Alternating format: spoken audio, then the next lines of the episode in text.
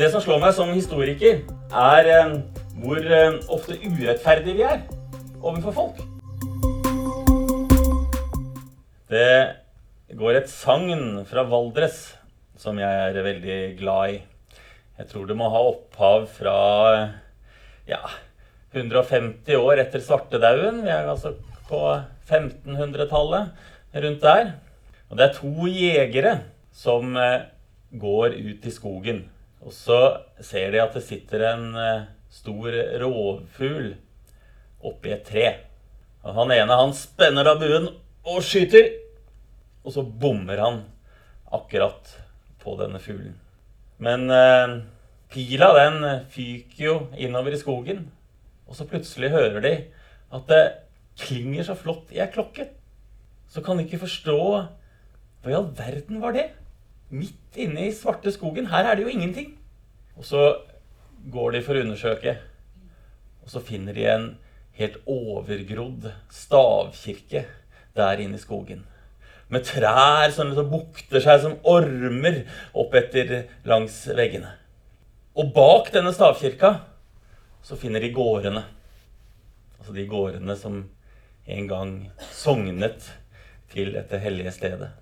Dette er da i tradisjonell forstand de øde gårdene. Altså de stedene der folk sluttet å bo etter svartedauden. De stedene som naturen tok helt tilbake. Og grunnen til at jeg er så glad i dette sagnet, er jo at jeg som eh, middelalderhistoriker har drømt om å oppleve det samme.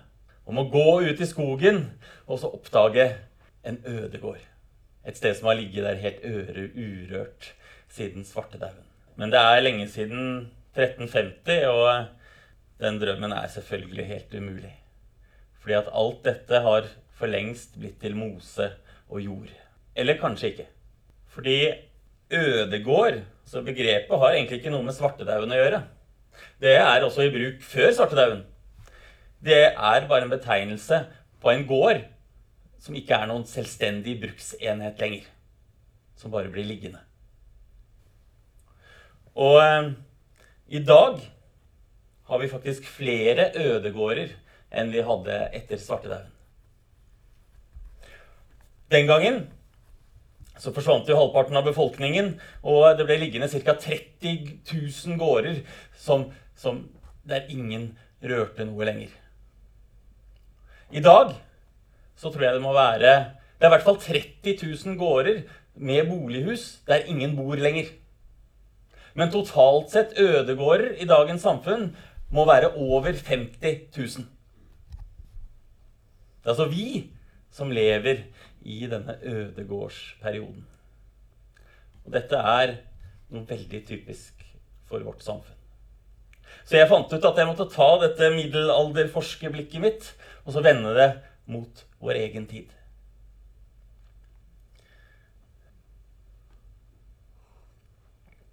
Så for eh, snart eh, tre år siden, en eh, høstkveld, så kjørte jeg gjennom Romerike og kom til Nes.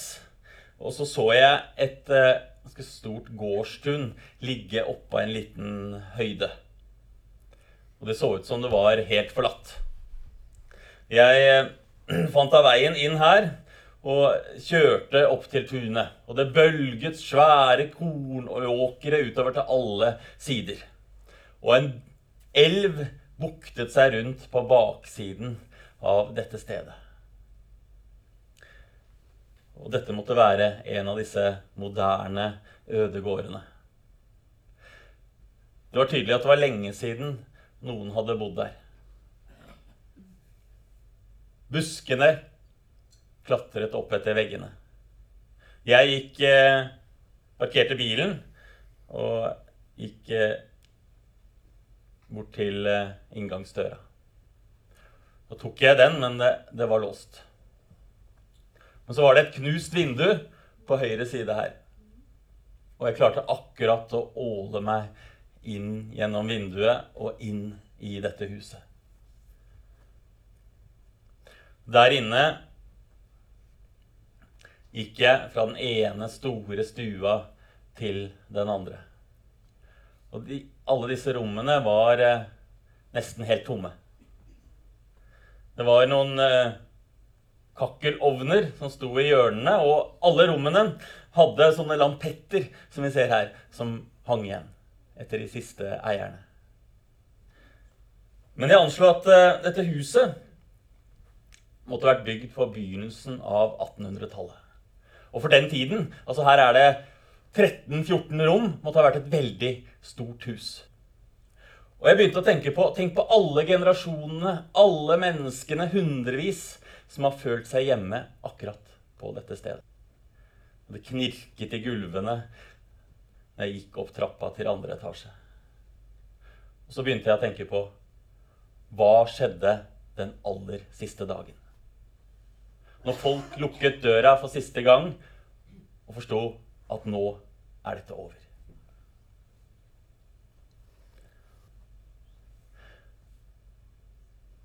Her ser vi det samme huset og tunet på Nes på Romerike. Jeg fant ut at jeg må finne ut av det. Hva har skjedd her? Og ikke bare det. Jeg bestemte meg for å finne ut alt som hadde skjedd på dette stedet, denne gården. Og så skulle jeg skrive en norgeshistorie, eller ja, en europahistorie, bare gjennom denne ene forlatte gården. Og jeg begynte å lese i bygdebøker, alt som fantes om artikler om dette stedet. Middelalderbrev dukket denne gården opp. Til og med så hyret jeg inn en arkivgransker som jobbet sammen med meg. Og han gikk gjennom alle kirkebøkene, alle skattelistene, rettsprotokollene osv. osv. Absolutt alt som var mulig å finne ut av dette stedet, skulle jeg vite.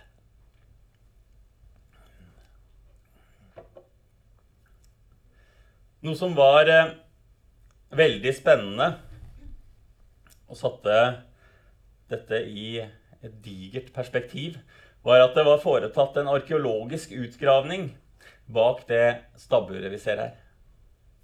Og der var det funnet bygninger fra år null og fremover. 30-50 meter lange bygninger. Eh, ofte tror jo folk at eh, folk i gamle dager de hadde små hus. Nei, de hadde enorme hus hvis vi går tilbake til år null og de første århundrene av vår tidsregning. Og eh, ene halvparten av huset så bodde dyra, og andre halvparten menneskene. Og her 30-50 meter lange. Det ene huset avløser det andre på dette tunet. Helt frem til 500-tallet. Men da forsvinner alle spor etter denne bosettingen. Noe som er eh, veldig typisk. Fordi Og det er naturlig å koble det opp mot det som vi vet skjer i år 536. Fordi da går nemlig jorden under. Det rapporteres fra Romerriket at solen slutter å skinne. Solen er gjemt bak en sånn grå dis, og den varmer nesten ikke lenger. Og det er verre jo lenger oppover i Europa man kommer. Og her så kommer sommeren, men snøen forsvinner ikke. Man tror at det går tre år uten at det blir sommer. 536, 37, 38. Og temperaturen, den dropper dramatisk. Fra undersøkelser av eh, trær i Sverige som har funnet ut at eh, snittemperaturen ble senket med fire grader. Eh, og fra undersøkelser av isen på Grønland så har forskerne funnet et voldsomt høyt svovelinnhold.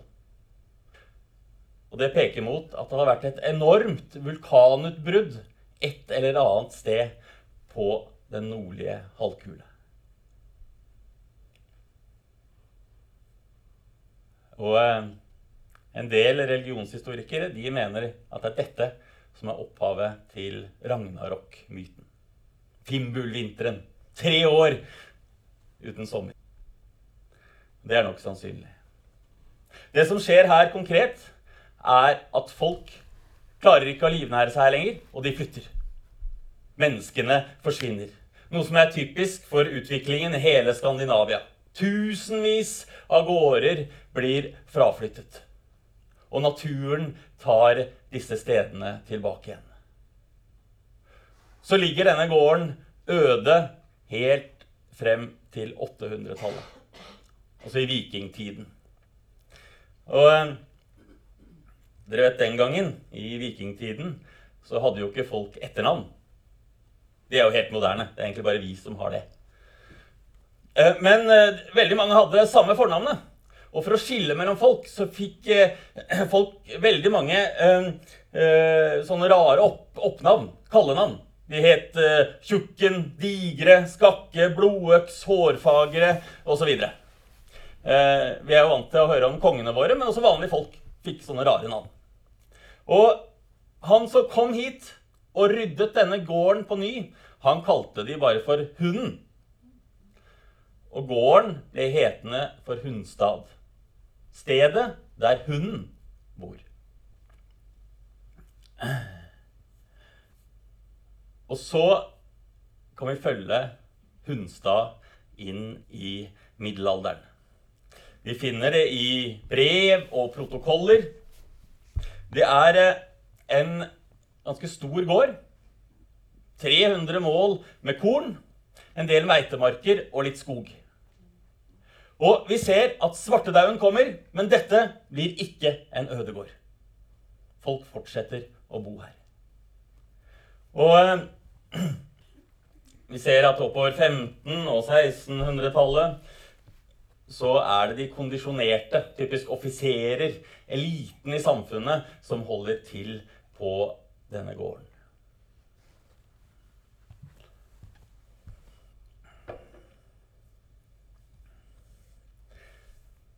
Men i 19 så flytter den aller siste familien hit.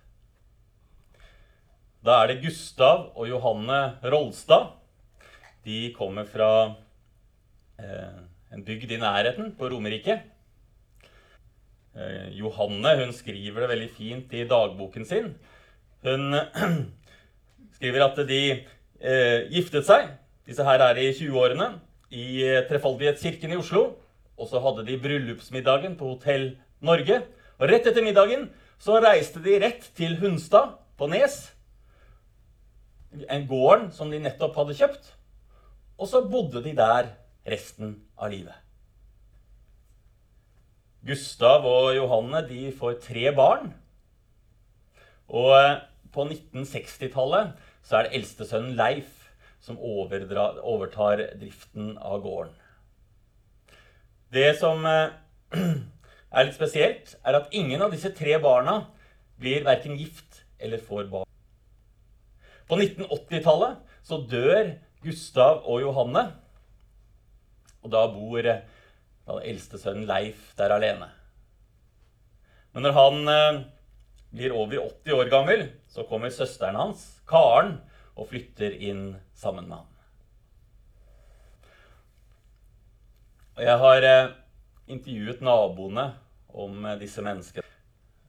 Og de forteller at i stuene på Hunstad, der bugnet det av blomster. De var alltid så flinke med blomster disse to skundene.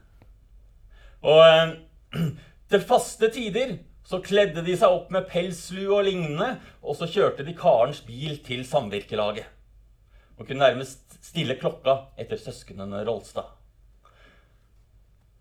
Og det var umulig å stikke hoden innenfor døra hos dem uten å ta imot kaffe og kaker. Du kom ikke derfra før du hadde satt deg ned og pratet. Men så er det en eh, vinterdag i 2006 at en av naboene han ser at det er noe som er galt. Fordi de har ikke hentet posten sin. Så han tar med posten, og så går han opp til gårdstunet. Der ser han at garasjeporten står oppe, som vi ser her. Og inni garasjen så står karens bil, også den med døra oppe. Men hun er Da går han inn i huset. Kommer inn på kjøkkenet. Der sitter eh, Leif på en stol. Og ved siden av han så ligger søsteren Karen på gulvet. Han eh, har bredd et eh, teppe over henne. Og hun har eh, et åpent, sånn stygt sår i ansiktet. Og naboen ser også at det er sår på hjørnet av Eller det er blod på hjørnet av kjøleskapet. Og det er blitt kaldt, og han sjekker ovnen, og det er bare noen få glør igjen. Og Senere så forteller legen at Karen hun har ligget død på gulvet der i to eller tre timer. Og hunden Buster ligger hele tiden trofast ved siden av henne. Broren hennes, Leif, han eh, ser veldig dårlig nå og har blitt litt tullete. Og han tror hele tiden at hun lever. Det er derfor han har bredd et teppe over henne. Naboen eh, varsler om dette, og det kommer en sykebil og henter liket av Karen. Og Leif han kjøres til sykehjemmet. Og sånn slutter den 2000 år gamle historien om gården Hunstad.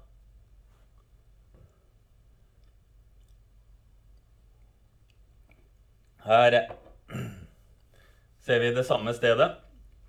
Utsikten fra verkstedbygningen ut mot den 60 eh, meter lange låven som de bygget under krigen.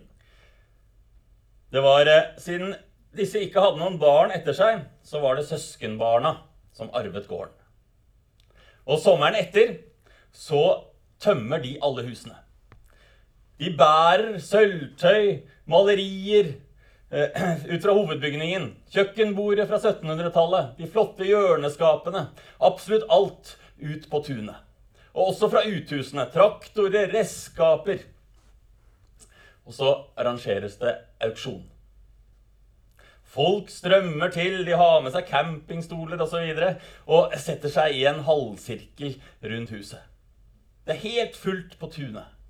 Og en auksjonarius roper ut gjenstand etter gjenstand. Dette tar en fire-fem timer å komme hjem gjennom alt sammen. Alt selges vekk. Og moren til eh, Leif og Karen, altså Johanne, hun som kom dit i 1919, hun hadde gjennom alle år skrevet dagbøker. 14 nesten helt like dagbøker. Og hadde samlet fotoalbum. Altså en families minner gjennom 70 år. Nå bæres også dette ut på tunet og auksjoneres bort. Jeg sitter og intervjuer en av naboene i et boligfelt like ved. Og så spør jeg han kjøpte dere dagbøkene. Dem kjøpte vi, svarer han. Ja, hva, hva kostet de? Hva, hva koster et liv? Nei Han drar litt på det.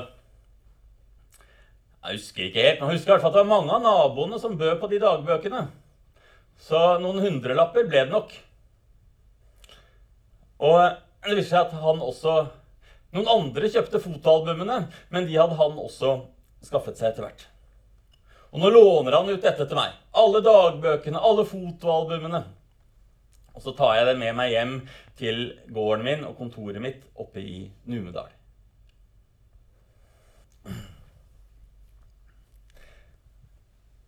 De er eh, veldig spesielle, disse dagbøkene, men også ganske typiske.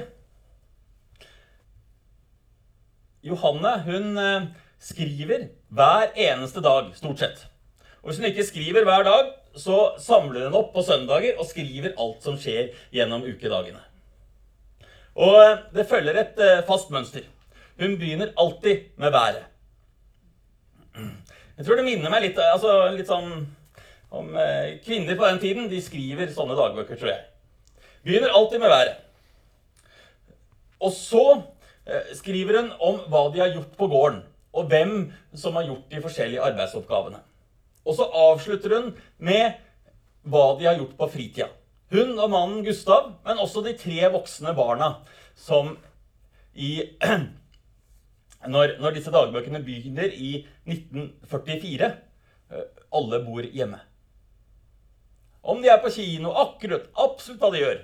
Eh, Eldstesønnen, hvor mange hull han har i tennene, osv. osv. Det er veldig rart å lese om dette i 19... Fordi hendelsene i verden er jo så dramatiske. Og denne verdens hendelser, den, de er jo veldig ofte veldig nære dem. Men det har hun, Johanne, et veldig litt sånn spesielt forhold til. Jeg tror jeg må, jeg må lese en av disse dagboknedtegnelsene for at dere skal forstå hva jeg mener. Det er altså Johanne Rolstad, desember 1944. Jo, det var én ting jeg skulle si som jeg glemte. En annen ting som er veldig spesielt her, eh, det er at eh, det slår meg at de er, de er eh, medlemmer og er med i så veldig mange lag og foreninger. Og det spises så mye kaker og drikkes så mye kaffe. Hele tiden.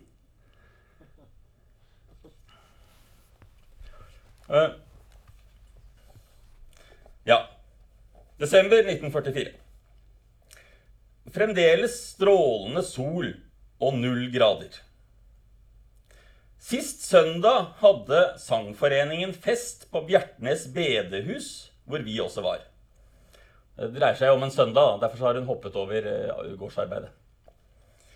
Ja, altså, fest på Bjertnæs bedehus, Sangforeningen. Eh, der var riktig festlig, med sang, opplesning og gang omkring juletreet.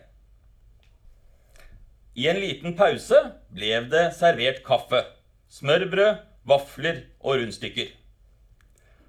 Alt var medbrakt, litt av hver. En kake ble utgloddet. Straks vi kom ut fra festen, hørte vi flydur og så granater som eksploderte i sydlig retning. Leif, altså eldstesønnen, var på rommen på fest, men var kommet hjem før oss. Karen og Arne var hjemme. Slutt. Altså det er jo, De er jo veldig berørt av krigen. For hun noterer jo dette her at eh, flyene liksom eh, flyr rett over gården, og det eksploderer i det fjerne. Men eh, det er som om at Ja, det er nå bare det er, ja, det er ikke noe å bry seg om. Og snart er kaffen klar. Og, og, det jeg blir klar over, er at selv om dette er veldig dramatisk da, for oss, desember 1944 så er jo dette for henne ja, det er hverdag. Det er hverdagen her som er det viktige. Det sosiale, det nære, sangforeningen osv. Den store uroen i disse dagbøkene kommer med freden i mai 1945. Da skildrer hun hvordan hjemmefronten kommer og okkuperer bygda. Hun skriver at eh, de skyter i timevis mot gårdshus, helt til folk kommer ut, og så blir de arrestert. Selv om de ikke har gjort noe galt.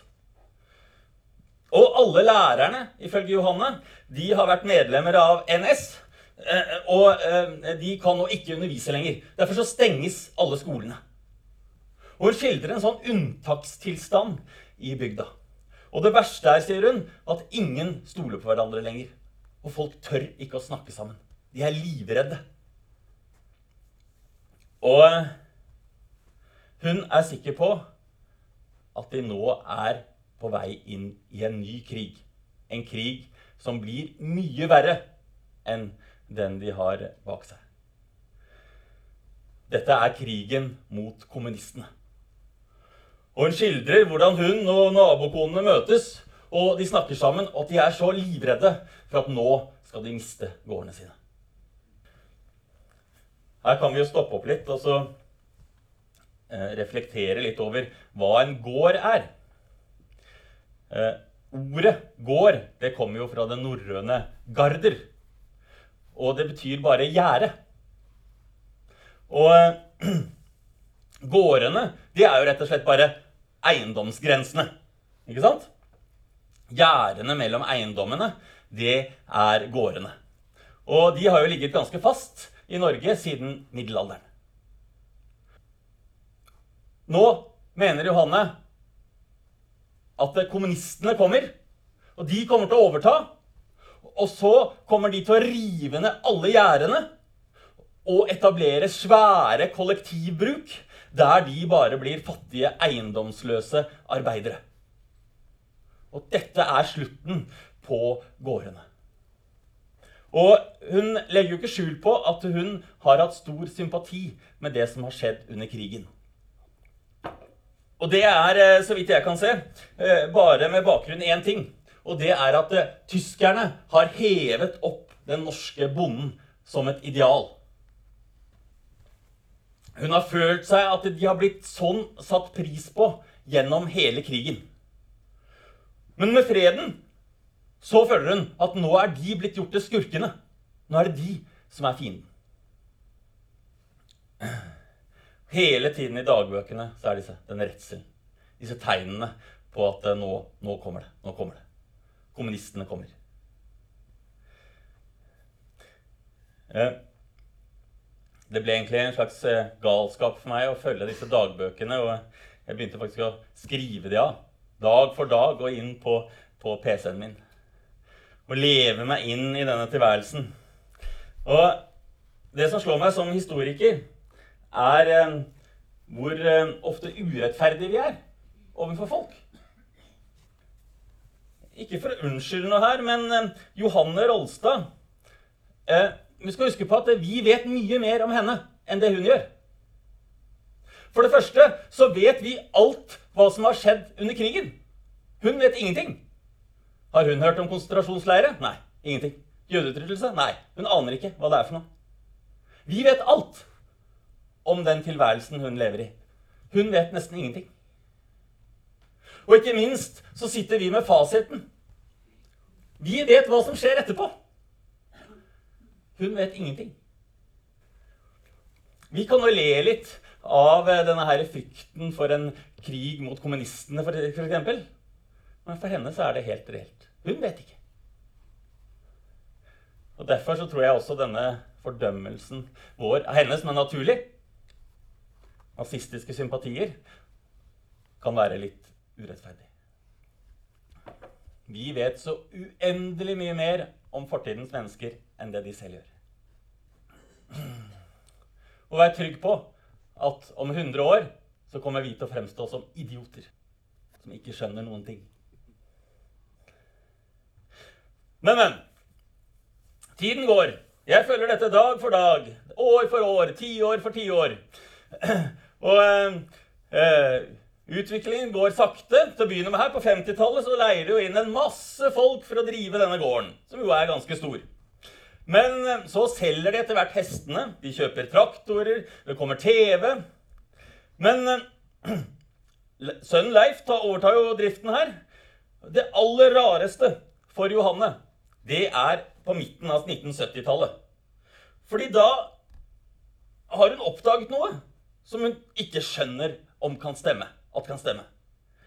Hun skriver at det virker som om sønnen Leif driver gården helt alene. Og det, det kan hun ikke fatte og begripe. Da, på 1980-tallet så dør jo Johanne og, og også mannen Gustav. Hun skriver jo dagbok helt til det siste med skjelvende hånd og setninger som bøyer mer og mer nedover. Og på slutten så skriver hun bare temperaturen. Hver dag temperaturen. Helt til det siste. Når sønnen Leif er over 70 år gammel, så finner han ut at uh, han orker ikke å drive denne gården alene lenger. Så han spør uh, naboen, en murer som bor i boligfeltet like ved, for øvrig den samme som senere kjøper dagbøkene, om ikke han vil drive denne gården. Jo da, det kunne han ha lyst til å prøve. Og eh, mureren han tar da over driften her. Han forpakter gården. Eh, Men han slutter ikke med sin vanlige jobb. Nå driver han dette stedet bare på fritida. Om kvelder og i helgene. Så spør jeg han ja, hva tjente du på det, da? Nei, det var vel ca. en tredjedels årslønn. 100 000, kanskje? Det er det han får ut av det. Og når eh, søsknene Rolstad dør, og søskenbarna arver stedet, så selges det til æretten. Her har man jo drevet med 300 mål med korn. Helt siden 800-tallet. Naboen han driver med 3000 mål med korn. Og Hunstad blir bare en liten tilleggsflekk. Og den blir en ødegård. Så det gikk ikke sånn som Johanne fryktet, at det var kommunistene som tok knekken på gårdene. Det var selvfølgelig kapitalismen og det tekniske framskrittet. Og nå rives alle gjerdene på Nes på Romerike. Alt blir borte. Og de svære brukene har kommet. Og denne historien er over.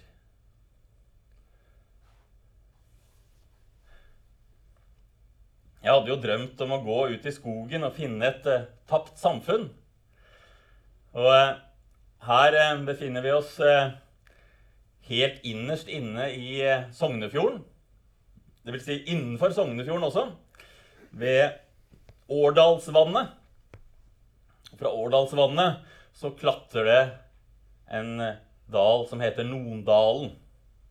Fra fem meter over havet til 650 meter over havet. En gang så bodde det over 100 personer inne i Nondalen. Det var seks gårder der og sju husmanns. Men på 1950-tallet så flytter alle. Alle forsvinner. Det er jo ikke vei hit, og heller ikke kom heller aldri elektrisitet til Nondalen. Så for å komme deg inn her, så må du enten gå over fjellet en time fra nabobygda, Seimsdalen. Eller så må du ha båt inn til bunnen av dalen. Og jeg og fotografen min, Pål Hermansen, som for øvrig har tatt alle disse flotte bildene Jeg er selv en elendig fotograf. Vi fikk båtskyss og gikk fra bunnen av dalen og oppover.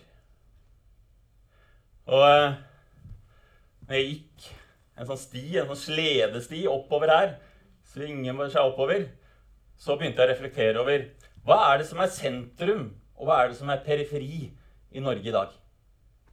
Og hvordan ble det slik?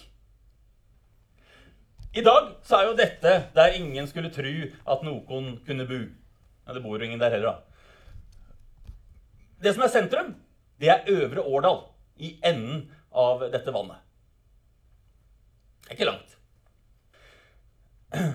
Men eh, så har jeg sett på et bilde fra sentrum, altså Øvre Årdal, fra rundt år 1900. Og da er det en åtte-ni gårdsbruk der inne, og egentlig ikke noe annet. Akkurat det samme som i Nondal.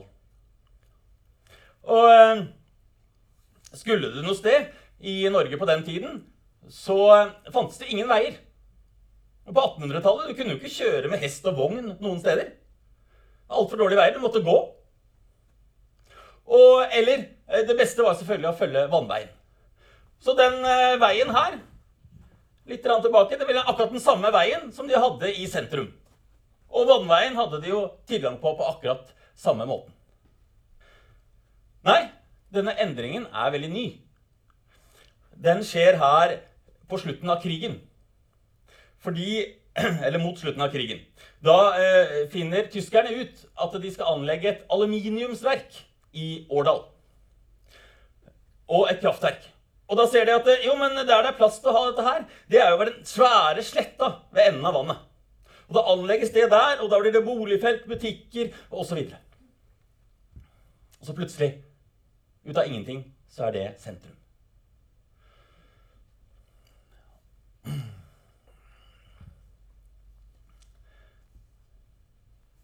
Den første gården vi kommer til når vi følger vestsiden av elva oppover i Nondalen, det er Nondalen vestre. Her eh, har det vært bosetting siden vikingtiden. Og eh, jeg kan følge bosettingen oppover gjennom historien. Også her så ble det ikke fraflyttet etter starten. Dette er altså ikke en tradisjonell ødegård.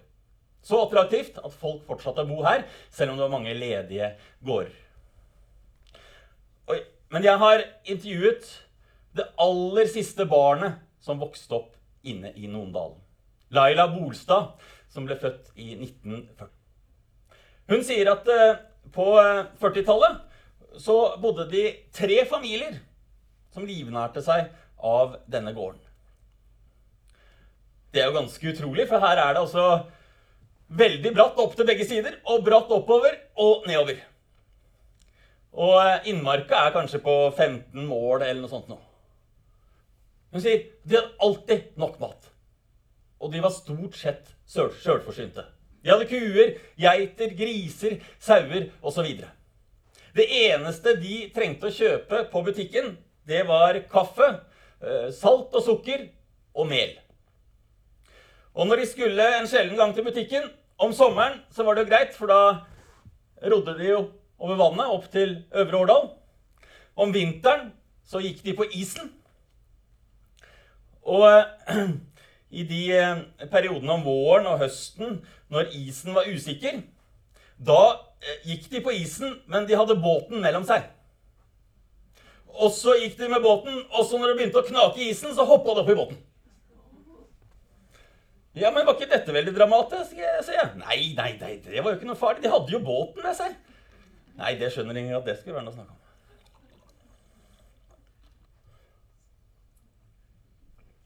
De, de hadde øh, Altså øh, Det var ett rom i til huset som er, egentlig ganske stort. Eh, et rom der øh, hadde hun og foreldrene og besteforeldrene hennes tilhold.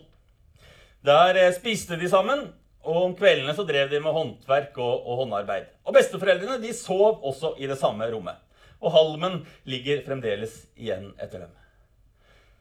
Og det er jo en spesiell tilværelse. De hadde ikke innlagt vann.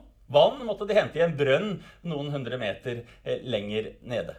Ikke strøm, som jeg sier. Og på mange måter så blir dette som en liksom tilværelse som er uendelig fjern. Samtidig så er det veldig nært. Denne dama som vokste opp her, hun er yngre enn min mor. Dette er generasjonen før meg. Eh, Eh, der ingen skulle tro at noen kunne bo? Nei, nei, nei. nei. Det var helt vanlig. Det var det helt vanlige. Det er veldig nær oss. Men eh, på begynnelsen av 50-tallet så flytter de to andre familiene, som for øvrig er onklene og tantene hennes. Og så bor Laila og besteforeldrene og foreldrene de får hele huset alene. Og det er jo litt bra også, fordi da får eh, Laila hun eh, får sitt eget rom. Og dette er barnerommet hennes. Vi ser her at eh, barnevogna hennes ligger fremdeles igjen her. Og tegnesakene er fremdeles i, i skuffene i Huset det begynte å bli litt dårlig, sier hun, men faren han kjøpte inn materialer og var i ferd med å restaurere det. Og de, Hun tenkte aldri på at hun skulle bo noen andre steder enn inne i noen. Men eh, sitter jeg i et boligfelt i nabobygda Seimsdalen og intervjuer henne, så spør jeg men eh, mannen hennes er der også. Hvorfor, eh, hvorfor flyttet dere, da?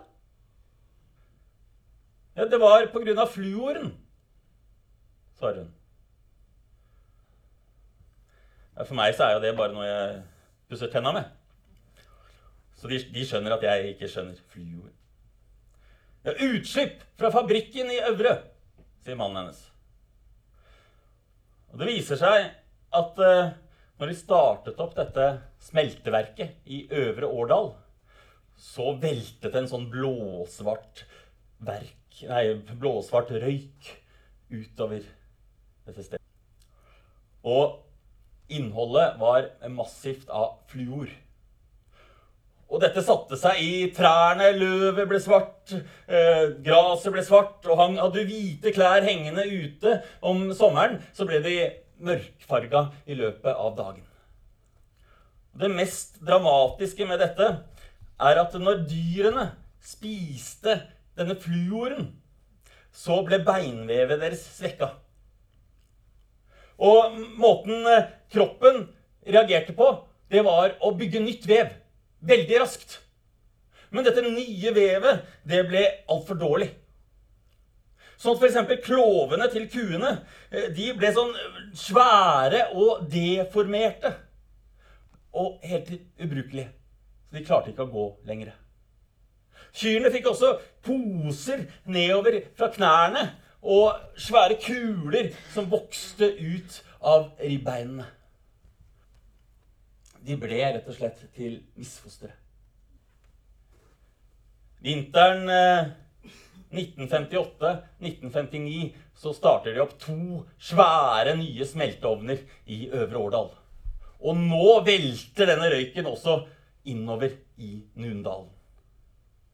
Og Laila forteller at hun husker så godt våren etter. Alle misvekstene på dyr. De fæle, svære klovene som gjorde at eh, kyrne ble liggende på båsen. De klarte ikke å stå lenger. Og faren hennes, han måtte slakte alle dyra. Du må fortelle om hunden, sier mannen hennes. Nei, Laila har ikke så lyst til det. Ja, så forteller hun likevel. Når faren han reiste tydeligvis opp til Øvre Årdal for å slakte dyrene. Når han kom tilbake igjen med båten siste gangen, så kom hunden hans løpende mot han og var så glad for at han var hjemme igjen. Og når han kom i land, så hoppa han opp og ned og rundt og rundt og rundt han. Og så visste faren at det neste han måtte gjøre, det var å skyte den.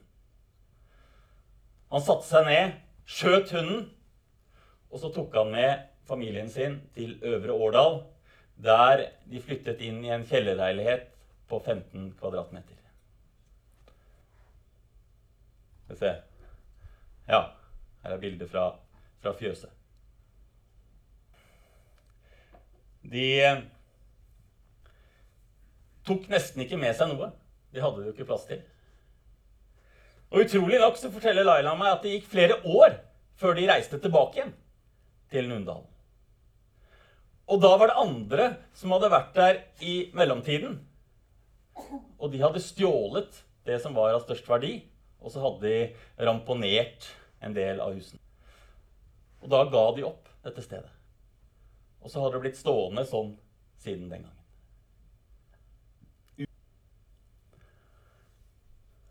Her er vi fra den øverste gården, oppå 650 meter i Nondalen. Torpen. Det var her oppe også skolen var. Det var egen skole der.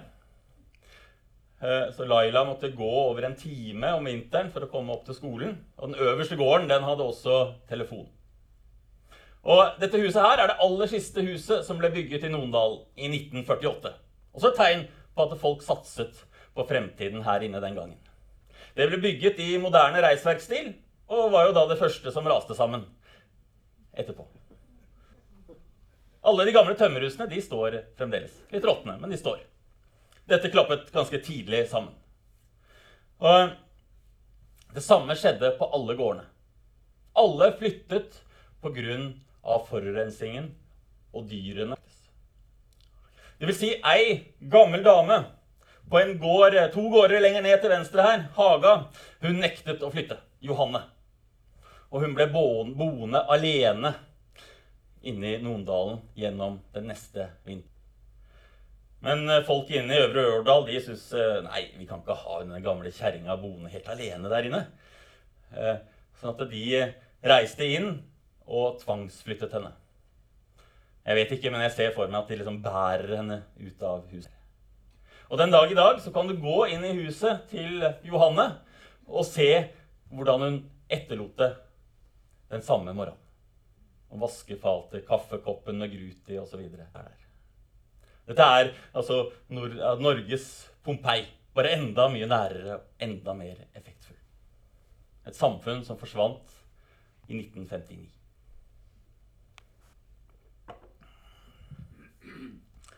Eh, etter denne boka, 'Norske ødegårder', så skriver jeg liksom livshistorien til eh, ti sånne gårdsbruk over hele Norge. Men eh, jeg skal ikke ta alle disse. Men eh, til slutt Den gården som kanskje gjorde størst inntrykk på meg. Nå har vi forflyttet oss helt sør i landet, på Id, altså noen kilometer øst for Iddefjorden og grensen til Sverige. Like i nærheten av Halden. Her eh, gikk jeg inn i en eh, helt fantastisk hage. Den var sånn helt overgrodd. eh, Og det virker jo som på en måte at du er inne i en sånn eventyrnatur, eventyrskog. Før du blir klar over at det, dette her er kunstig. Det er noen som har lagd denne her naturen på en kunstig måte. For du ser at eh, fossefallene er mura opp. Og også bekkefaret her har murer på begge sider. Eh, Til og med så er høydene i denne svære hagen de er kunstig oppbygd.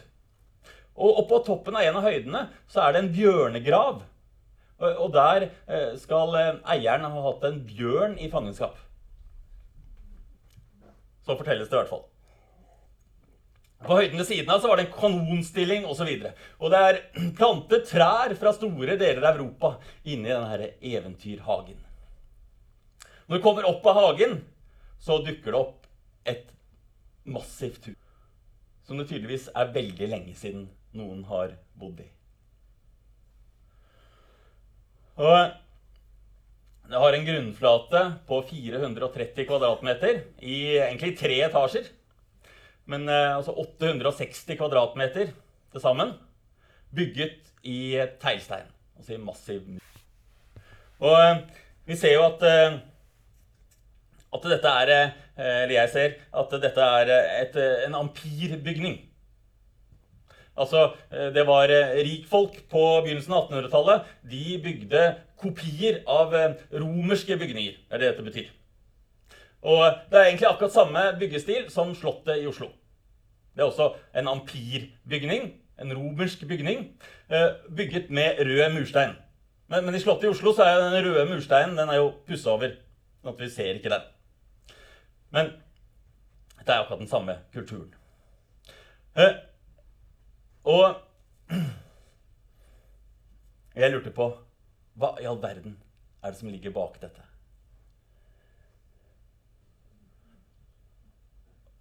Og hvis du går inn i dette huset, så blir man enda mer forundret. Jeg anbefaler for øvrig ingen å gå inn her, hvis dere skulle tenke på det. Eh, liksom på, på baksiden her så er det jo kjøkken og sånn tydelig sånn, noen rom til tjenerne. Mens fremsiden av huset er den ene flotte stua etter den andre. Med tapeter, stukaturer, rosetter, maling. Altså det flotteste som man kunne putte inn i et rom på denne tiden. Fem svære stuer etter hverandre, alle på 40-50 kvadratmeter. Og i enden av huset en ballsal på 80 kvadratmeter. Altså et enormt hus. Og det samme er oppe i andre etasje. Og der er det faktisk en ny ballsal på 80, 80 kvadratmeter. Jeg tenkte på hva i all verden er det som ligger bak en sånn bygning? Og ikke minst, hva er det som skjer her i dag? Og så fant jeg ut at dette dreier seg faktisk om eventyret om eh, Espen Askeladd. Det var en gang Alt dette er jo presist sant, da, sant? selv om jeg forteller det som et eventyr. Ellers hadde jeg ikke sagt det. Det var en gang en liten gutt som het Carl Knubedal. Han eh, kom til Halden sammen med mora si. Og De kom fra et lite sted ved Rekefjord, eller Rægefjord, eller det er ikke så langt herfra. Eh, Men eh, faren til Carl, han var død. Men mora hun hadde giftet seg med en handelsmann i Fredrikshall, altså dagens Halden. Men denne handelsmannen han gikk det ikke så bra med. Trolig gikk han konkurs, og de ble fattige. Men han hadde sett at eh, denne stesønnen, Carl han var så flink til å Han satt liksom om kveldene og leste i de få bøkene de hadde, og, og, skrev sånne brev som var helt fantastiske. Så ut som sorenskriveren selv hadde skrevet dette her. Han var jo et talent, denne gutten. Så han, eh, han tok med stesønnen sin til sorenskriveren. Og så sa han at eh, Du, han er så flink, han gutten her. Men så var det jo det at han, han het jo egentlig Carl Knubedal. Altså Han fant ut at han kan jo ikke hete Knubedal. Herre min, hvilken sorenskriver vil ha en i arbeid som heter Knubedal? Nei. Så de kutta vekk dette Knube. Jeg får knølete. Og så kalte han bare uh, Carl Dahl isteden. Litt finere. Og han maste på. Du må jo ta han her som assistent. Og til slutt så sa sorenskriveren ja. Ja, ok, vi kunne prøve det. Og sorenskriveren finner ut at han kan jo sette bort masse arbeid til denne gutten. Og han vil satse på han. Så han sender han til universitetet i København. Eh, der han tar juridisk embetseksamen med de beste karakterer. Og så kommer han tilbake igjen til sorenskriveren. Dette er sorenskriveren i Id og Marker, litt, litt utenfor eh, Fredrikshall. Og etter at han har kommet tilbake som utdanna, så kan jo han egentlig gjøre hele sorenskriverjobben. Og sorenskriveren selv han trenger bare å kontrollere litt. Men fremdeles så mottar Carl bare assistentlønn. Og etter hvert så syns han denne situasjonen den blir helt utålelig. Sånn at han, eh, han reiser Dette er på slutten av 1700-tallet. Han reiser til København. Og eh, der eh, vil han treffe prinsen i landet for å få han til å hjelpe seg. Den eneste løsningen han ser. Og han setter seg ned på en kafé i København og skriver et langt brev til prinsen. Dette vet jeg veldig godt, for dette brevet har jeg lest. Og han skriver at han, han er i en så fortvila situasjon, og det er bare prinsen som kan hjelpe han. Fordi han er fattig og brødløs, og så har han fire småsøsken, som, som mora da har fått med denne handelsmannen, uh, som han må forsørge fordi begge foreldrene deres er døde. Og han har ingen mektige som kan hjelpe seg. Og han har bare en liten assistent. Men det er egentlig ikke dette med de småsøsknene som er det verste. Det verste er, som han skriver, at han er elsket og elsker en ung pige. Det er det store problemet her. Fordi denne pigen som han elsker, og som elsker han, hun er av en adlet familie. Og siden han er fattig og brødløs og ikke har noen stilling, så vil ikke denne familien vite av ham i det hele tatt. Og han Så skriver han at nå har han kommet til København, og med ungdommens ild så ber han om et embete i staten. Og det han vil, er at han skal bli sorenskriver i Øvre Romerike. Det synes kanskje litt rart for dere i dag at ungdommens ild ber om en jobb i staten. Men vi skal huske på dette er helt andre tider. Nå er vi jo midt i det vi kaller for embetsmannsstaten. Ikke sant? Og hvem er det som i realiteten styrer landet? Jo, det er jo disse embetsmennene. Eh, fogdene, futene, sorenskriverne, biskopene, eh, dommerne osv. Det er de som styrer landet. Og det er de som er, sammen med handelsborgerskapet er de aller, aller rikeste. Sånn at det å få et embete i staten, det er den eneste måten han kan vinne prinsessen på. Men jeg klarte ikke å finne ut om han faktisk fikk treffe prinsen. Han fikk ja, helt sikkert overlevert dette brevet. Men Øre, Øvre Romerike sorenskriveri, det går til en annen. Han reiser tilbake igjen til Norge. Norge. Skuffet, slukøret. Og ble enda verre, for nå ble denne kvinnen hans hun blir forfulgt av sin egen familie. For hun vil ikke gifte seg med noen andre. Han reiser tilbake igjen til København, skriver et nytt brev som jeg også har lest, eh, til, til prinsen som han vil overlevere. Og sier at 'nå må du hjelpe meg'. Nei, nei, ikke denne gangen heller. Og en tredje gang så reiser han tilbake. Samme metoden. Ber prinsen 'nå må de gi meg et embete'. Kanskje blir prinsen i Danmark-Norge møkk lei av dette. I hvert fall så er det sånn at det nå lykkes han. Og så blir han fogd i Tønsberg. Og det løser hans problem. For nå får han gifte seg med sin prinsesse. Um, så skal jeg lese et lite stykke fra boken min som utdyper hva dette dreier seg om. Skal vi se.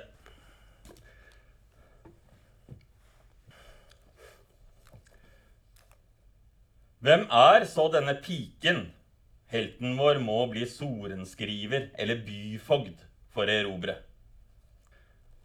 Som i alle eventyr fremstår den mystiske prinsessen som ganske anonym.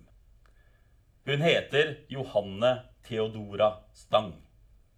Eh, hun er her eh, datter av sagbrukseier Stang, som er den rikeste mannen i Fredrikshall. Altså Johanne Theodora Stang det finnes en detaljert tegning av henne. De som ser denne tegningen, blir ofte forferdet. Johanne Theodora er rett og slett oppsiktsvekkende stygg. Med en neserygg som stikker langt nedenfor neseborene. Som likevel befinner seg forbausende langt fra munnen. Og munnen snerper seg sammen så den ser ut som et nøkkelhull over en fyldig dobbelthake som glir uelegant over i en hals like bred som hodet hennes. Det finnes eh, et maleri av Carl eh, Ja, det er jo én ting, da. vet du, Denne Carl Knubedal han ble jo døpt om til Carl Dahl, for det er litt finere. Men når han reiste til, til København, så pussa han enda litt mer på dette navnet sitt. Eh, nå heter han Carl, ikke med K, men med C.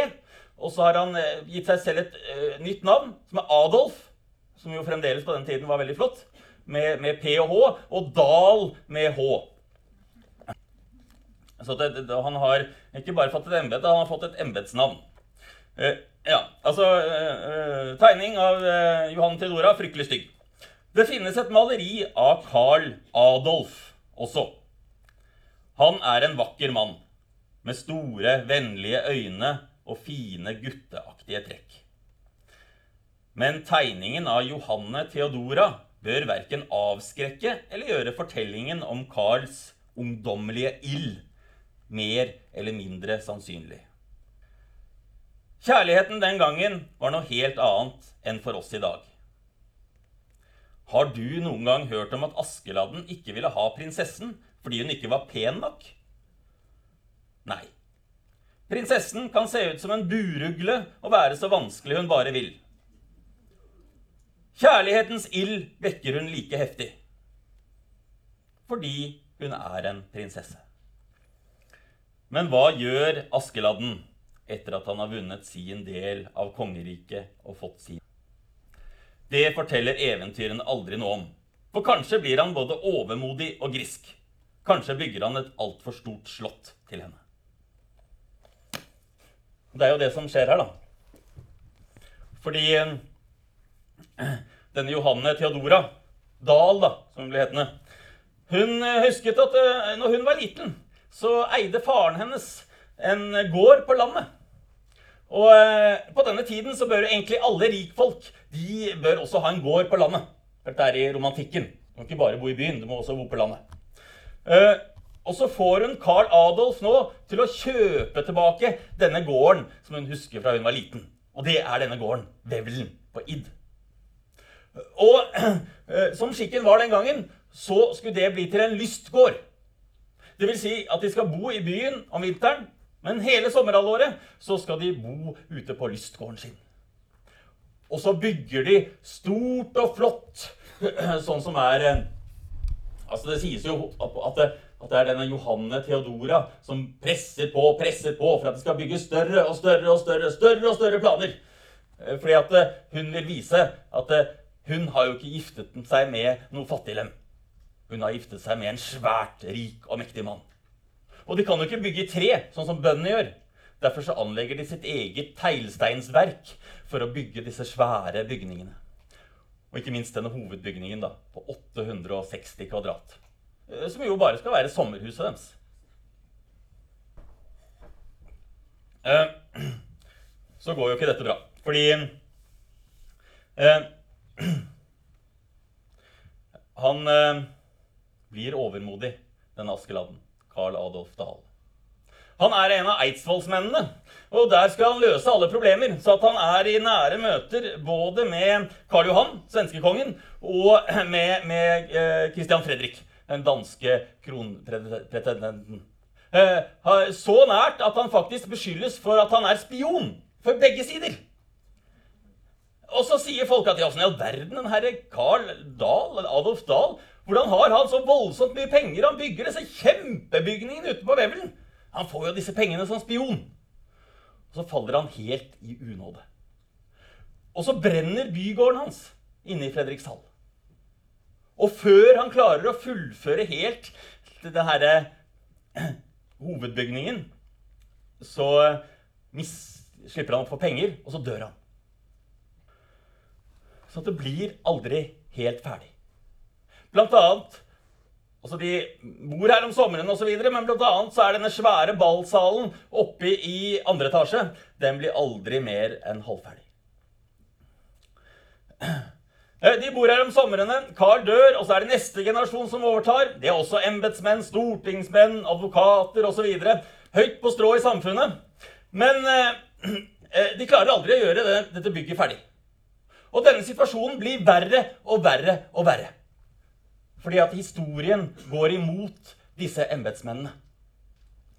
Skal huske på at når dette her bygges på begynnelsen av 1800-tallet, så er lønningene i landet så enormt lave. Så at Carl Adolf Dahl han kan hyre inn titalls på titalls på titalls arbeidsfolk til å bygge opp dette her. Og etterpå så kan han ha masse tjenere og gårdsarbeidere til å drive denne gården og vedlikeholde dette stedet. Lønningene, det koster han nesten. Men så faller embetsmannsstaten. Vi får noe styggedom som heter parlamentarisme. Som gjør at det er jo ikke embetsmennene som bestemmer lenger. Det er jo disse her eh, folka som sitter på Stortinget. Eh, Og så blir det jo flere og flere som får lov til å stemme. Så det blir jo fylt opp av bønder. Og så er det bøndene som bestemmer. Og det som skjer, er at eh, disse lønningene de begynner å stige. Og embetsmennene får mindre makt og mindre penger. Og tror dere ikke det at etterpå så er det jammen arbeiderne som overtar styringen av landet? Arbeiderne får flertall i Stortinget, og hva skjer med lønningene da? Jo, de Oi! Sånn at disse stakkars embetsmennene de har jo nesten ikke råd til å ansette folk lenger. De klarer aldri å bygge dette ferdig, og det blir dårligere og verre og verre for hver generasjon. Og til slutt så sitter de der selv, alene, med hele denne bygningsmassen. Vi ser jo, Hvis dere ser på sånne engelske slott, og sånn, så er det enda mer ekstremt. ikke sant? Disse rikfolkene sitter helt alene med et kjempedigert slott. Det er jo enda verre. Men dette er tragisk nok, fordi etter hvert så blir disse mer bare vanlige bønder. Og så bor de også her eh, gjennom hele året. Eh, Men dette er jo egentlig bare et sommerbolig, og det er fire meter under taket osv., så, videre, så det er jo beinkaldt. Og den aller siste etterkommeren, den sjette generasjonen etter byfogden, han eh, er den siste som bor her. Han flytter ut i 1981. Da orker han ikke å bo her lenge, inne lenger. Og så bygger han et lite sånn boligfelthus ved siden av dette kjempehuset. Så tar han med seg familien, og så bor de der isteden. Godt og varmt. Vannklosett, innendørsklosett, når de aldri har hatt her. Og så blir dette her bare stående. Og nå er det den sjuende generasjonen etter Carl Adolf Dahl. og dette huset er en forbannelse. Fordi det regnes jo som en en slags helligdom. Eh, og han har jo ingen sjanse. Nå er det beregna at det kommer til å ta, koste over 100 millioner å restaurere dette stedet. Bare flere millioner å rive det. Og så er det sånn en, en, skam som han føler at han klarer ikke å ta vare på dette kulturminnet. Og den skammen, den følger livet hans. Og så spøker det her. Fordi Johanne Theodora, som presset på for at de skulle bygge så stort Og at de skulle jo ikke bare ha én ballsal i første etasje, de måtte jo ha en i andre etasje også. I den der halvbygde ballsalen i andre etasje der går hun igjen hver kveld klokken tolv. Så går hun rundt der med hodet under armen og forbanner seg over at dette aldri ble ferdig. Eller kanskje hun forbanner at de bygde så stort. Kanskje hun ser hva dette gjorde for ettertiden. Ok, eh, dette her virker jo kanskje litt spesielt, men eh, allikevel så er vi nå inne på noe som er helt allment her. Og det allmenne er at vi er de første i verdenshistorien som holder sånne hus som er helt ubrukelige. Dette er et totalt ubrukelig hus. Helt umulig å bo i. Vi holder det for hellig.